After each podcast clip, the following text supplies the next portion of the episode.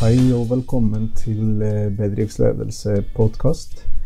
I denne episoden eh, skal jeg si litt om hva entreprenøriell markedsføring er for noen ting.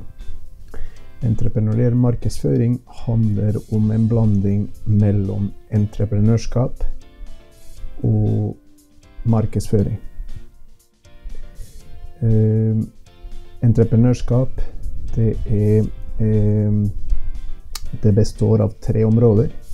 Eh, enten entreprenørskap som markedsfunksjon, det som skjer i et marked når det etableres bedrifter. Eh, det handler også om entreprenøren som individ, altså personen eh, som etablerer bedrift, og prosessen. Altså fra ideen til gjennomføring. Når det gjelder eh, det siste, eh, så handler eh, entreprenørskap som prosess kan deles i to. Det kan deles i selve etableringsprosessen, men også prosessen med å utvikle nye forretningsområder som ikke nødvendigvis medfører å etablere nye bedrifter. Det kan være utvikling av et nytt forretningsområde innenfor eksisterende bedrift. Et enkelt eksempel kan være eh, en, eh, en, en malermester som utfører tjenester, og som bestemmer seg for å etablere en butikk i tilknytning til dette her, for salg av maling og malerutstyr. Det er utvikling av nye forretningsmuligheter uten å etablere en ny organisasjon, en ny bedrift. Det er kort hva entreprenørskap handler om. Også på den andre siden har vi hva markedsføring er.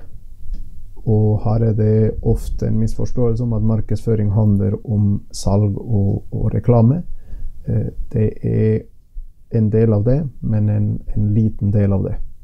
Definisjonen på markedsføring eh, er i hvert fall akademisk eh, er vanlig å bruke noe sånt som sosiale bytteprosesser eller bytterelasjoner. Og innenfor markedsføring eh, så finnes det seks retninger.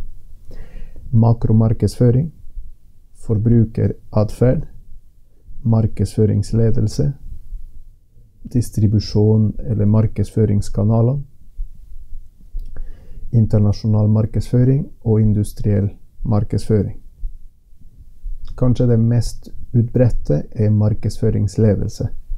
Markedsføringsledelse handler eh, kort fortalt om å avdekke behov i markedet. Det er det vi kaller markedsorientering. Det er det som er utgangspunktet for markedsføring. Også prosessen eller de, de aktivitetene som gjennomføres i selve markedsføringsfunksjonen.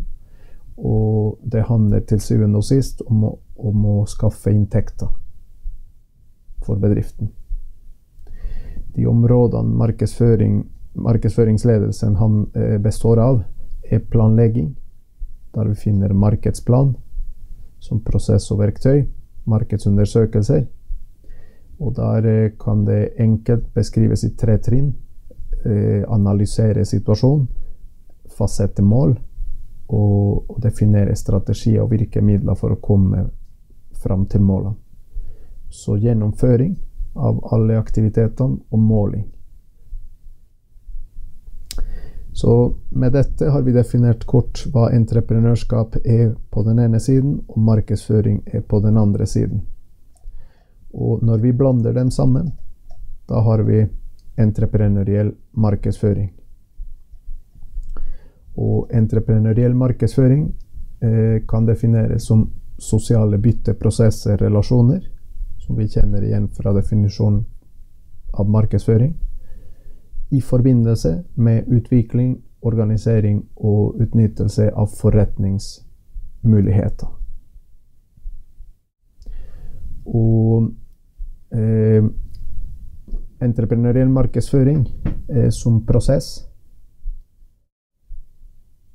Det kan eh, deles inn i, i, tre typer modeller som forklarer eh, prosessen med entreprenøriell markedsføring. Vi skiller mellom fasemodeller.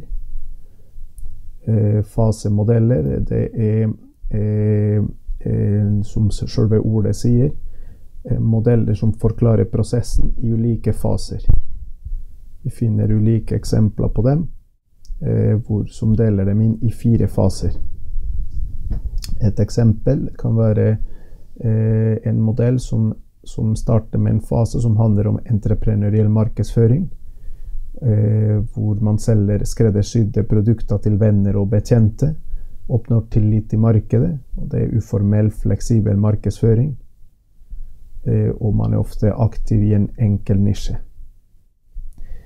Og så går man videre til neste fase, som kalles mulighetsorientert markedsføring. Der forbedrer bedriften økonomien eh, i produksjonsaktivitetene og, og, øker salget. Salgsledelse innføres, og markedet gjennomtrenges. Så man utvikler seg videre og går inn i en ny fase. Så en tredje fase, reaktiv markedsføring.